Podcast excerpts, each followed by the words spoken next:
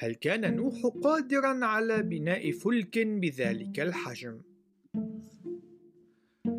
لم يمتلك الناس الذين عاشوا في أيام نوح قوة بدنية أو مقدرات عقلية أقل من الناس الذين يعيشون في يومنا راهن.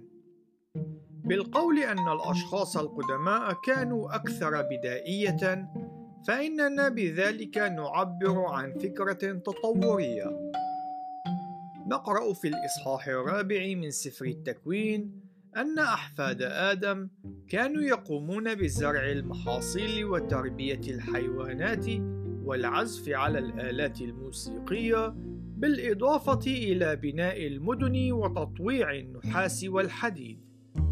لطالما كانت التقنيات والأدوات والآلات الهندسية التي للإنسان القديم على درجة من الإبداع تفوق ما يتم إدراكه في الكثير من الأحيان على سبيل المثال بعد الطوفان بمدة ليست بطويلة كان المصريون يقومون بالكتابة وقص حجر الجرانيت وبناء الأهرامات العظيمة على درجة عالية من الدقة. كان الإنسان الأول الذي خلقه الله كاملا. خلال السنوات الستة آلاف التي مضت منذ ذلك الحين، كان مستوانا الذهني يتراجع بالغالب بسبب آثار اللعنة. لحسن الحظ قمنا بمواجهة ذلك التراجع في المقدرات من خلال تسجيل ونقل المعلومات والاكتشافات لم يقل لنا في السرد التوراتي أن نوح وأبناءه كانوا قد قاموا بكل العمل بمفردهم. على الرغم من أن ذلك كان ممكنا بالنسبة لهم من المحتمل أنهم قد استأجروا أشخاصا آخرين لقطع الأخشاب ونقلها وقطع الألواح الخشبية والعمل على العوارض الضخمة المستخدمة في هيكل الفلك. نجد في الكلاسيكيات الأدبية تسجيلات عن سفن خشبية ضخمة بحجم مماثل للفلك.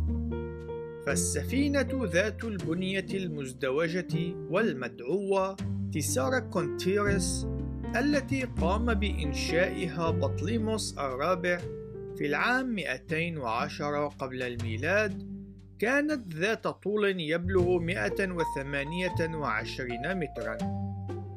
أي أنها كانت بحجم ضخم يقارب من ضخامة الفلك. وكان يتم تسييرها من خلال ثلاثة صفوف من المجدفين.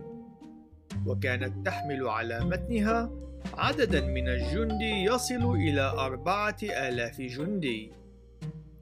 أما سفينة الليون تيفيرا من هيراكليا فكانت غالبا بطول يتراوح بين 120 إلى 150 مترا أي ما يعادل 400 حتى 500 قدم. وهي التي قدمت أداء رائعا في معركة بحر إيجا في العام 280 قبل الميلاد.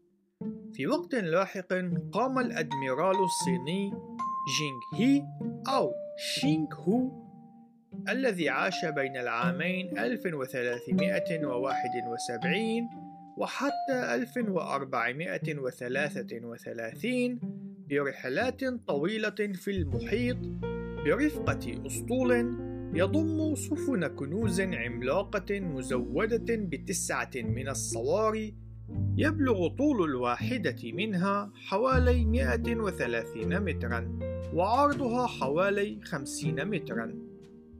وبالتالي فإن كان قد تم بناء السفن الخشبية ذات الحجم المماثل لما سبق وقد عملت بشكل جيد فإن الأمر الواضح هو أن بناء السفن الخشبية القابلة للاستخدام من ذلك الحجم هو أمر ممكن أن يكون قد حدث. وقد كان فلك نوح أبسط بكثير من الهياكل السريعة للسفن الحربية اليونانية. يمكنك أن تفكر في الفلك على أنه مركب عابر للمحيط يمتلك بنية قوية للتعامل مع الأمواج